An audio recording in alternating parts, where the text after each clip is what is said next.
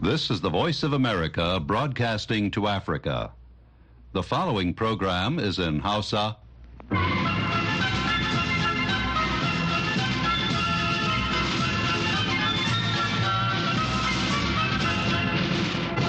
Sashen Hausa da murya Amurka yake magana daga nan birnin Washington DC.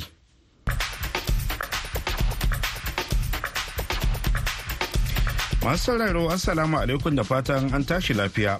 Baba Yakubu makeri ne tare da Maryam Dauda da sauran abokan aiki muke farin cikin kasancewa da ku a wannan shiri na safiyar yau talata 27 ga watan Fabrairun shekarar 2024. Kafin ku ji abubuwa da muke tafe da su ga Maryam da kanan labarai. Ofishin Prime Minister Isra'ila Benjamin Netanyahu ya faɗi cewa sojojin Isra'ila sun ba kwamitin yaƙin ƙasar wani shiri na kwashe dubban Falasɗinawa daga kudancin Gaza gabanin hari ta ƙasa da suke shirin kaiwa kan mayaƙan Hamas a birnin Rafa. Jami'in sojan Amurkan nan da ya kona kansa a wajen ofishin jakadancin Isra'ila a birnin Washington a jiya Lahadi ya mutu a cewar 'yan sandan yankin a jiya Litinin.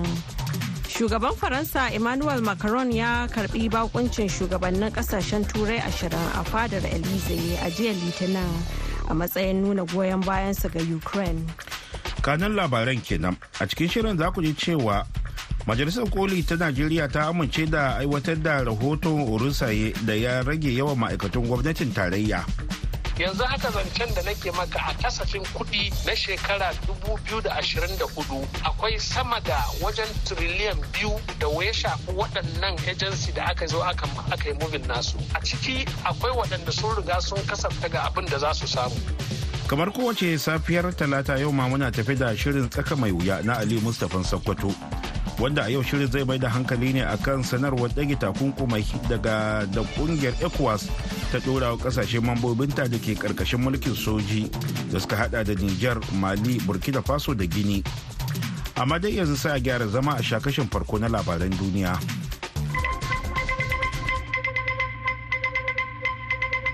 Jama'a assalamu alaikum ga cikakkun labaran. Ofishin Firayim Ministan Isra'ila Benjamin Netanyahu ya faɗa a jiya Litinin cewa sojojin Isra'ila sun ba kwamitin yaƙin ƙasar wani shiri na kwashe dubban Falasɗinawa daga kudancin Gaza gabanin hari ta ƙasa da suke shirin kaiwa kan mayaƙan Hamas a birnin Rafa amma bai bayyana inda za a kai su ba. Amurka babbar ƙasar hulɗar Isra'ila a yaƙin da ta shafa kusan watanni biyar tana yi da ƙungiyar Hamas ta gargaɗe Isra'ila kan farmakin ta ƙasa a Rafa ba tare da fara kwashe Falasɗina wanda suka fake a can ba. Sanarwar da aka fidda a jiya Litinin bata ba da cikakken bayani akan inda Isra'ila ke shirin tura Falasɗinawan ba, kuma Masar ta ce ba za ta buɗe iyakokinta ba. Galibin gaza yankin da ke kusa da tekun bahar rom isra'ila ta ɗaiɗaita shi a lokacin da ta kai gagarumin farmaki bayan harin ta'addancin da hamas ta kai wanda ya kashe mutane 1,200 a isra'ila a ranar 7 ga watan oktoban bara yayin da a gaza kuma aka kashe kusan falasɗinawa 30,000 jami'in sojan amurkan nan da ya kona kansa a wajen ofishin jakadancin isra'ila a birnin washington a ranar lahadi ga dukkan alama a wani mataki na nuna adawa da yaƙin gaza ya mutu a cewar 'yan sandan yankin ajiyar litinin. Jami'i lee lepay mai magana da yawon hukumar 'yan sandan gundumar columbia ya tabbatar da mutuwar sojan saman na amurka. Ma'aikatar tsaron amurka ta pentagon ta ce mutuwar sojan wani mummunan lamari ne kuma sakataren tsaron amurka lloyd austin na bibiyar lamarin. Mai magana da yawon ma'aikatar pentagon manjo janar patrick ryder ya faɗawa manema labarai cewa ba shi da masaniya akan wasu jami'an soja da ke wani abu na nuna adawa da yaƙin an kwantar da jami'in sojan saman na amurka a asibiti a cikin mawuyacin hali a ranar lahadi bayan da jami'an hukumar leƙen asirin amurka suka kashe wutar da ya banka wa kansa. Kamar yadda hukumar kashe gobara da ayyukan gaggawa ta birnin dc ta bayyana. Shugaban Faransa Emmanuel Macron ya karɓi bakuncin shugabannin ƙasashen turai ashirin a fadar Elysee a jiya Litinin a matsayin nuna goyon bayansu ga Ukraine yayin da yaƙin ƙasar da rasha ya shiga shekara ta uku. Muna kan shirin tabbatar da tsaronmu baki ɗaya a yau da kuma gobe a cewar Macron a taron da aka shirya cikin gaggawa yayin da Rasha ke zafafa kai hare-hare. A jawabinsa na buɗe taron, Macron ya faɗi cewa a cikin 'yan watannin nan sun ga yadda Rasha ke ta da ƙaimi. Sun san cewa Rasha na shirya sabbin hare-hare musamman don kaɗa ra'ayoyin jama'ar Ukraine. rasha ba za ta yi nasara a wannan yaƙin ba a cewar macron a taron wanda ya samu halartar shugaban gwamnatin jamus olaf scholz da shugaban poland andre duda da shugabannin ƙasashen yankin baltic to kuna sauraron labaran ne daga nan sashen hausa na muryar amurka a birnin washington dc an jima kaɗan maryam za ta sake shigowa da ci gaban labaran duniya amma kafin nan shugaban najeriya bola ahmad tinubu ya ba da umarni da aiwatar da rahoton orosanye wadda ya yi wa ma'aikatu da hukumomin gwamnati garin bawula da kuma daidaita aikinsu da rage yawansu. Wakilin umar faruk musa ya tattauna da dr awwal abdullahi kwararre akan tsara ayyuka da gudanar da mulki domin jin irin tanade-tanade da ke cikin wannan rahoton wanda za a aiwatar nan gaba. Tun lokacin shugaban kasa buhari ya yi yunkurin ya ce wannan orasanya report din kowa ya riga ya duba an yadda da shi an ga aiki ne na ƙwarai. Buhari ya ba da damar a yi. Kamar yadda ake yawan zargin buhari baya lura ya bibiya akan aikin da ya sa a yi. Wannan abin sai zanto cewar ba a yi lokacin shi ba. Yanzu tunun biyu abin ya zame mushi dole. Na farko kasa bata da kuɗi. Na biyu gwamnati tana neman hanyoyin da za ta rage kashe kuɗi. To kaga dole su duba ta wannan hanya ne. Kuma duk mai ido da kuma wanda yake da mudubin dubarudu to zai gano cewa abu na fari shine a duba wannan sanya report din a bincika shi a amfani da shi. A ganin ka akwai wasu kusoshin gwamnati da za su iya zagon kasa saboda moriyar da suke ci ko suke samu su ki ba da haɗin kai a aiwatar da wannan rahoto na orosan ya kamar yadda bola ahmed tinubu shugaban najeriya yake fata ga aiwatar da shi. Kasan a kasa irin ta najeriya wanda kusan kullum a irin abubuwan da muke fada shine mutane ba ƙasar ne a idansu ba ba kuma gyaran ƙasar ba ne a zuciyarsu. Su hanyar da za su samu kuɗi ne da su da iyalansu su jo su mora talaka kuma ko ugu to dole ne za ka samu. Na farko musamman 'yan majalisar dattawa waɗanda su suna ganin cewar kamar su an ba su alhakin ciyaman na kwamiti na kwamiti yanzu haka akwai ciyaman kwamiti on nema yanzu haka akwai ciyaman on refugee. Yanzu haka akwai ciyaman on wannan border commission. Duka yana ganin hanya ne da zai samu kuɗi. Yanzu haka zancen da nake maka a kasafin kuɗi na shekara 2024 akwai sama da wajen triliyan biyu da ya shafi waɗannan agency da aka zo aka yi mubin nasu. A ciki akwai waɗanda sun riga sun kasafta ga abin da za su samu. To dole irin waɗannan abin ba zai musu daɗi ba. Yanzu ne za su wasa wukarsu su shiga kafafen yada labarai na, na, na yanar gizo da ko ina don su je kuma su tabbatar sun nuna cewar gwamnati bata kyauta ba. Amma a ka'idar gaskiya duk mai hankali idan ya duba zai gane cewar ko da a yanzu abun bai ma wasu ƙanana daɗi ba ko wasu tsirari daɗi ba to nan gaba gaba ɗaya mutane za su mori waɗannan abubuwan. Saboda me? Kullum muna ikirarin cewar babban hanyar da gwamnati za ta taimaka shine ta rage yawan kuɗaɗen da take wa kashewa kanta da kafafen ayyukanta kamar ministries da kuma mda da parastatal. Na ji tsohon mataimakin shugaban kasa a tiku sayin da yake magana yake tsokaci akan tinubu bai kwayi abin da shugaban kasan argentina na yanzu ya yi wajen gyara ƙasar shi wajen tattalo da farfadin arziki. Ɗaya daga cikin abin da ya rage kashe kuɗaɗen da ake yi na wajen tafiyar da harkokin gwamnati. Kuma shine tinubu ya fara ɗaukan hanya. Amma wannan ɗaya ne zan ce bisa kashi goma da abin da tinubu ya dace a yi. Idan ba mu ga cewar shi shugaban kasa ya fara maganar a rage wannan yawace yawacen a rage wannan hawa private jet da ake ma'aikatan gwamnati in za su tafi. Wallahi umar faru yau idan ka shigo abuja a airport din abuja sai ka irga private jet sama da ɗari uku a airport din abuja. Kusan duk ƙasar afirka ba kasa da take da irin wannan yawan private jet to kuma duk suwaye suke hawa? In ka lura kashi casa'in ma'aikatan gwamnati ne. Wai a ƙasa da ake cewa ba a da kuɗi kenan. To madalla gaida Umar Faruku Musa a tattaunawarsa da, da Dr. Awal Abdullahi kwararre akan tsara ayyuka da gudanar da mulki.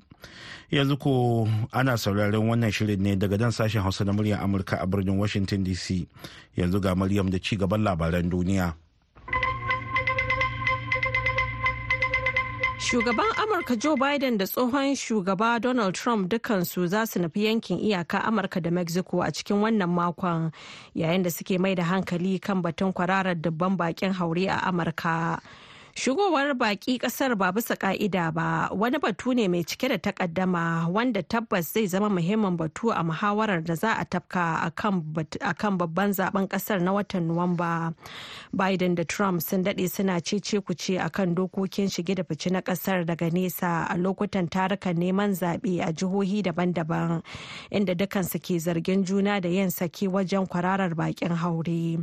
Amma a ranar Alhamis za su kasance kimanin kilomita 500 nesa da juna inda biden zai nufi birnin brownsville a jihar texas don ganawa da jami'an sintiri na kan iyakokin amurka da jami'an tsaro da shugabannin yankin yayin da shi kuma trump zai nufi birnin eagle pass a jihar texas. Wani ɗan jarida ɗan ƙasar Faransa da ya je aiki a ƙasar Habasha ya shiga hannun hukumomi bayan da aka kama shi a Addis Ababa babban birnin ƙasar. Antoine Galindo wanda ke aiki da kafar yada labaran Africa Intelligence da ke birnin Paris an kama shi ne a wani otel a yayin da yake hira da Bate Urgesa mai magana da yawon jam'iyyar adawa ta OLF. 'Yan sanda sun kuma tsara orgesa a cewar kwamitin kare 'yan jarida da ake kira cpj a taƙaice 'yan sanda sun zargi dan jaridar da kulla makircin da ka iya haddasa tarzoma a cewar wata sanarwa daga shugaban ma'aikatar da galindo ke aiki a ranar alhamis ne aka tsare shi kuma a ranar asabar wata kotu ta ba da umarnin a tsare dan jaridar har zuwa ɗaya ga watan maris. Maryam kenan aka saurara da labaran duniya daga nan birnin Washington DC.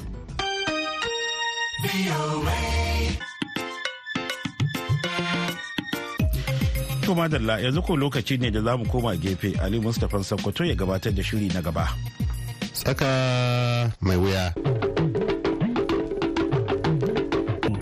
Ibrahim mai grace. Kwarai nike local government. Kuma muna godiya sosai kuma muna matuƙar jin daɗi. Wallahi mun murna sosai. Tunda farko muna cikin hawala'i wallahi. A ce ba a ƙetarowa kuma ba a shiga. Mu mun shiga hawala'i. Tunda mu dai nan nan Nijar nan na wurin neman abincin mu wallahi. A nasu ɓangaren yan Nijar da ke wannan iyakar ta ƙasa da ƙasa sun godewa wannan matakin na cire takunkumi wa ƙasar su mu wanga takunkumi da an ka yadda mana nan Nijar mun ji daɗi. Saboda muna jiran wagga rana Allah shi gwada mana ita kuma Allah ya gwada mana ma da rai da lahiyar mu mun ji daɗi. Yanzu abin da muka so Najeriya da Nijar kowa ɗaya uba ɗaya suke. Saboda ni mu dai tun ba a mu ba mu iske ta haka. Yanzu kuma da Allah ya yi muna yawancin rai yanzu ga ana son a haɗa su a gama su. Kuma Allah ba zai yarda ba. Jama'a muna fata kuna nan kalau kamar yadda muke a nan washington dc barkan ku da zuwa ga sabon shirin tsaka mai wuya. Wasu daga cikin takunkuman da hukumar ko kuma ƙungiyar harkokin kasuwancin ƙasashen afirka ta yamma ta ecowas ta cirewa ƙasashen niger da mali da burkina faso sun hada da abubuwa kamar sake buɗe kan yakoki da ba da damar yin zirga-zirgar tafiye-tafiye da kuma sakin kuɗaɗen da aka riƙe na gwamnatoci fa kenan ba na mutane ba. Da kuma barin wasu daga cikin mutanen mali yanzu suna iya nema da kuma samun mukamai a cikin ecowas din tare da wasu takunkumai da aka dora wa ƙasa ta gini. To amma kamar da shi shugaban hukumar ecowas din umar ture ya bayyana a cikin abuja jim kaɗan bayan da aka gama wannan taron na ranar asabar da ya sa aka ba da sanarwar wannan takunkuman ya ce akwai wasu takunkumai na siyasa da ba cirewa nijar ba amma bai ba da bayani ba. Amma dai abin da ya ce shine akwai wannan matakai ko kuma takunkumai na siyasa da suka rage a kan Nijar da wasu ƙasashe. To abin tambayi shine waɗanne matakai ne ko kuma waɗanne takunkumai ne suka rage wanda ba a cire wa Nijar ɗin ba. abin da wakilinmu na Nijar Sulmumuni Barma ya nemi sani kenan daga wajen wani masana harkokin diplomasiya da siyasa na ƙasashen afirka mustapha abdullahi ni dai ga gani ga yana na gane ga yana na karanta ina tsammani ka wasu ka wasu sojawan da kawo masu iko a nijar na yanzu wataƙila ecowas tana ne su ɗin dai har yanzu akwai takunkumi da aka samu su. A da an ce gwamnati cikin sanarwar da ecowas ta ba da ta ce gwamnati na cikin gwamnati bata ce cnsp ba. To yana ko wataƙila su sojawan yana ta sa masu takunkumi na ba za su je su zo bayan da suke so ba za su yi zirga-zirga ba. Koko wasu dukiya da suke da a wasu ƙasashe duka a rushe su. Ga gani na wannan da abin da suka waɗi labji ne a cikin naɗi yana nema wataƙila har yanzu dai su ƙara yi ma soja masu iko a niger su bi su baya domin a samu wataƙila dan abin da suka ce ya kamata a sako tsohon shugaban ƙasa. To yana duka wannan wata dabara ce ta ecowas wadda dai za ta sa a ciwo kan wannan abin. To yana tsammani dai ita ecowas din ba ta faɗi ba abin a bayyane amma a kulle yake wataƙila ita ya kamata ta hito ta ƙara ba da sanowai ta gwari ta ba da manufa menene take ni da takunkuman siyasa. Amma dai gina ina tsammani ko wata dabara ce wadda ita ecowas take so ta ƙara ta ƙara masu abin nan ta ƙara ba su da sau don domin samu a sauko tsohon shugaban ƙasa kuma su samu a je a shirya harakokin transition domin a samu a yi jefa ƙuri'a domin sabon gwamnati ya dawo ga iko. mustapha abdullahi kenan a hirarsa da suleiman muni barma to in kana sauraron wannan shiri na tsaka mawuya a kwanakin nan kasan cewa shi suleiman muni barma din ya haɗa mana muhawara mai zafi tsakanin wasu manyan 'yan siyasa guda biyu da suka taɓa takarar zama shugaban ƙasa a niger din wato alhaji tahiru gimba da kuma intinakar alasan kan wannan harkoki na takunkumin da aka kallaba wa niger din da burkina faso da mali. To yanzu da yake an cire wannan takunkumi babban tambaya a nan me zai faru ga tsohon shugaban niger din mohamed bazoum wanda ecuador ta sha nana tawa cewa dole sai an sake shi kafin ta cire wannan takunkumai din? Har ila a cikin shirinmu na yau za mu duba irin ƙalubale da wahalhalun da wannan takunkuman suka janyo wa niger ko da yake ɗaya daga cikin masu muhawara ya ce ai ba Nijar kaɗai ta ji jiki ba. Duk arewan Najeriya babu inda zaka ta kai noma yanzu. Babu mai gonan ka ta ba gumuwa. Babu inda zaka ta kai kiwo babu inda zaka ta kai noma Najeriya arewacin Najeriya. Arewacin Najeriya kuma state ashirin ne bisa talatin da shidda. Kenan ya yi ƙarfin rabin ƙasar. Duk ɗan ta'adda daga Maiduguri sai sai sai Kebbi su ma mai babu daji zaka shiga ka ce cikin Najeriya babu shi. Wani kai shugaban najeriya an ka ɗauka ka tsaya ka kula da ƙasar ka a za ka hiddata ta. Ka ce ha faransa so ka kai mari na soje bakin bodin niger ka tattale ni yan ta'adda. Kuma daga najeriya suka zakuwa kowa ya sani daga sokoto dajin kawai suka suka shigowa da mashin mashin. Su biyo ta dogon dutse a biyo ta hilinge mu shiga mali. ya can dama akwai rundunar haɗin gwiwa niger nigeria chad da cameroon ta aikin da ta yi sojojin niger har gobe suna ga kula da bodin niger da nigeria da chad da niger su suka shiga najeriya yaƙin boko haram. Ko ya ganye nan kuma ka diba jihar maradi duk da aka yi na tsaro sojojin niger na kula da shi najeriya ba ganin kowa. Kowa ya san matsayin kowa cikin maganar ga abin da nake son dan wani ita nake da gane. Alheri babban alheri ai alfahari da wannan abun hita cikin ecowas. To yan kai ana kana gani akwai alamun za a iya gyara maganar nan? To an tuka dai in aka hidda son zuciya an ka hidda son rai za a gyara wannan magana. Saboda na faɗa ma wannan ias yana da kyau da aka yi shi amma saboda a tsare letrowa frontier iyakokin ƙasashen mu. guda uku kuma fi sibillahi sojojin suna bakin ƙoƙarin su. Sai vrai abun akwai karhi saboda sojoji ba su da kayan aiki isassu. Mai wannan yana yi ga harkar tsaron kasa mai harkar tattalin arziki. Haba su tahiru gimba yanzu koton na birkina mu muna iya sayan shi nijar aikin mu za da shi. Iraniyan kinmu na nijar birkina tana iya sayan shi mali tana iya sayan shi petrol kinmu na nijar. Nawa ne mali za ta iya saye? Nawa ne abin ga zai iya saye? Kenan harka ta tattalin harka ta a bar ni in yi magana. A bar ni in yi magana. Ta ba da kai yi magana ban yi magana ba. Ka bar ni in yi magana. Ka gani dai bisa kan tattalin arziki tahiru gimba in aka ce yau babu iyaka najeriya yanzu watan mu nawa? Da babu su ba mu wahala ba. Su ma sun wahala. Ban ce ba su wahala ba. Su ma sun wahala. Me mun yi su wahala tahiru gimba kuma ku tausaya ma yan nishar saboda yan nishar sun tausaya sun muku adalci. Ku da kuke goyon bayan sojawa. Saboda kun ce labusanni ne kowa ya taso ya ce eh haka nan ne. Ka ku kai mana mu cikin rami. Saboda yau waɗannan sojawan babu wanda ke wahala cikin su kenan talaka da ke wahala mu shine yasa muke cewa wannan a jawo baya. Ku tsaya ku yi nazari tahiru gimba a yi nazari menene amfanin shi. Kuma wannan magana da ake na cewa a yanzu ne za a ta yi adiba kaka za mu yi rijijeniya da najeriya da cote d'ivoire. A'a wannan mataki kayan kuke ɗaukan mataki. Kuke tunanin matakin nan in an ɗauke shi ni zai zama? Kuma kaka za mu yi regilan abu kaza. Kaka ba sai kun zo kun ɗauki kashi kun yarba ma niger. Kannan yanzu sai ku taso ku ce a za ku wanke rabi da abin ga ruwan zuma. Bayi banda wannan su diba su gani da mu da waɗanga ƙasashe makwabtanmu ba ɗai ba ne. Mun sha bambam ba su da bambancin mu mu yau iyakokinmu masu bado mu abinci suna rihe. Ana cikin a yi rajejeniya sun ka zo an ka hitar da cikin sai da yawon gaba ɗaya. Su waɗancan mali ba su da matsalar abinci.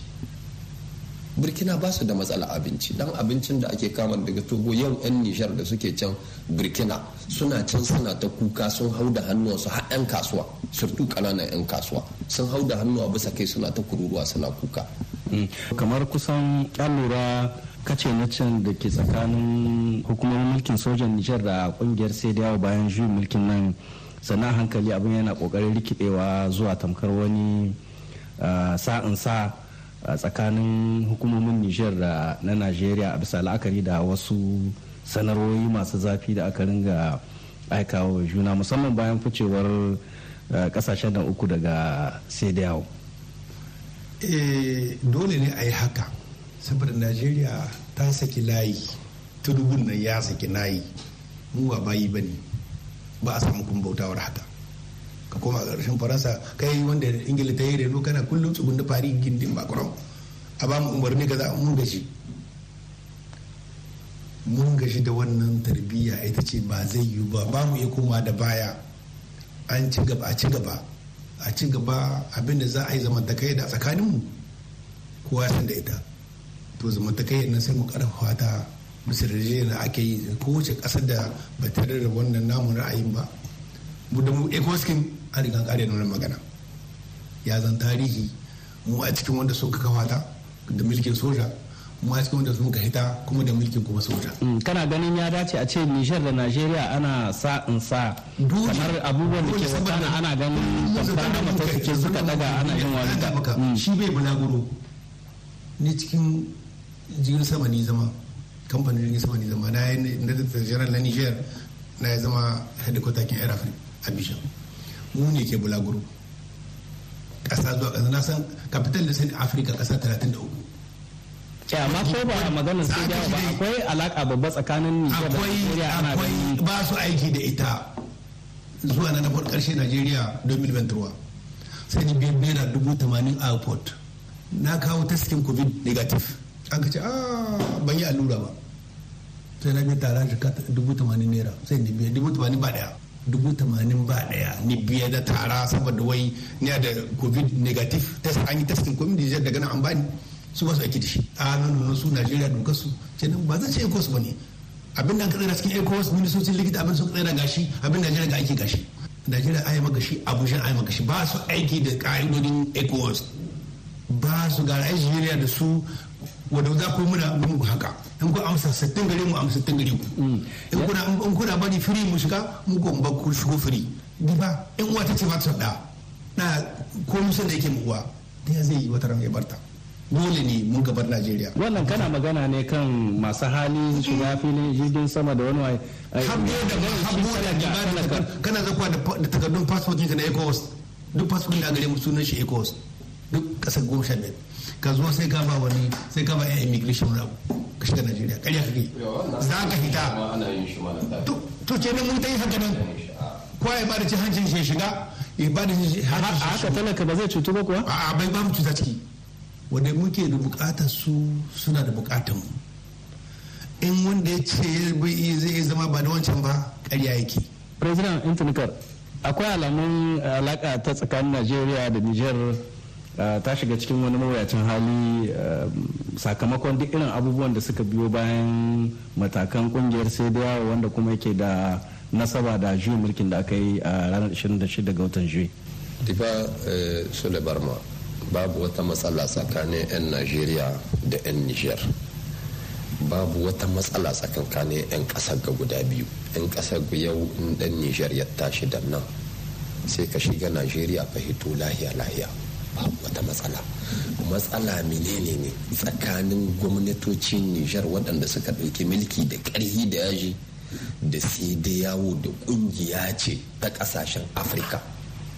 Su ne ke da matsala. Amma an kaga sanarwoyin da ƙasashen biyu suka ba da a baya bayan nan bayan ficewar ƙasashen nan uku daga ƙungiyar ecowas za ka gane cewar akwai alamar rashin jituwa tsakanin hukumomin ƙasashen nan biyu Nijar da Najeriya. Na ji ministar da zafar na minista na ƙasashen waje na Najeriya da yi magana mai ni a nawa gani ya yi magana ne da sunan sai da yawo.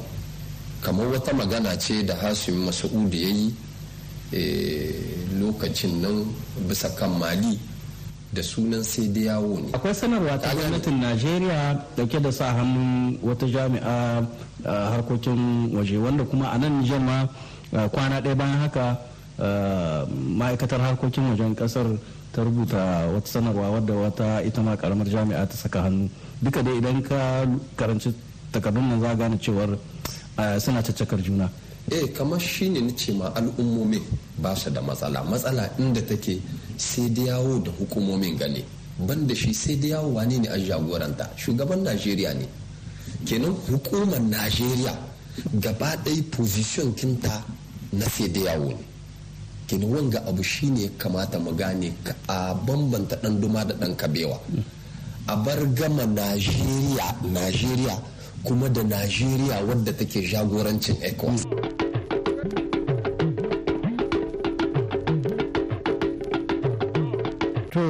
A gaishe ku malamai bari mu tsaya nan in Allah ya kai mu rana wace za mu rufe wannan muhawara din da neman sanin manufa ko kuma makomar tsohon shugaban Nijar din Muhammad Bazoum.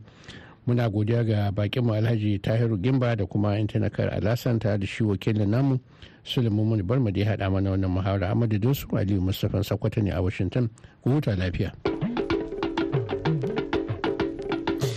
To madalla gaida na Sokoto. Yanzu kuma lokaci ne da maryam za ta kawo mana takaitattun labaran duniya To a taƙaice ofishin Firayim Ministan Isra'ila Benjamin Netanyahu ya faɗa a jiya Litinin cewa sojojin Isra'ila sun ba kwamitin yaƙin ƙasar wani shiri na kwashe dabban Falasɗinawa daga kudancin Gaza gabanin hari ta ƙasa da suke shirin kaiwa kan mayaƙan Hamas a birnin Rafa amma bai bayyana inda za a kai su ba. Amurka babbar ƙasar hulɗar isra'ila a yaƙin da ta shafa kusan watanni biyar tana yi da ƙungiyar hamas ta gargaɗi isra'ila kan farmakin ta ƙasa a rafa ba tare da kwashe falasɗina wanda suka fake a can ba. Jami'in sojan amurkan nan da ya kona kansa a wajen ofishin jakadancin isra'ila a birnin washington a ranar lahadi ga dukkan alama a wani mataki na nuna adawa da yaƙin gaza ya mutu a cewar 'yan sandan yankin a jiya litinin. Jami'i lee lape mai magana da yawon hukumar 'yan sandan gundumar columbia ya tabbatar da mutuwar sojan saman na amurka. Ma'aikatar tsaron amurka ta pentagon ta ce mutuwar sojan wani mummunan lamari ne kuma sakataren tsaron amurka lloyd austin na bibiyar lamarin mai magana da yawon ma'aikatar pentagon manjo janar patrick ryder ya faɗawa manema labarai cewa ba shi da masaniya akan wasu jami'an soja da ke wani abu na nuna adawa da yaƙin. To masu sarare da haka muka kawo ƙarshen shirin namu na wannan lokaci sai kuma an jima idan Allah kai mu za ku ji maimakin wannan shiri. Yanzu a madadin Maryam Dauda da ta taya ni gabatar da shirin da kuma Dadi Balawi wanda ya shirya ya ba da umarni da ma injiniya mu na wannan safiyar Mr. Kelvin. Baba ya ko makiri ne daga nan birnin Washington DC nake muku fatan alkhairi. Wassalam.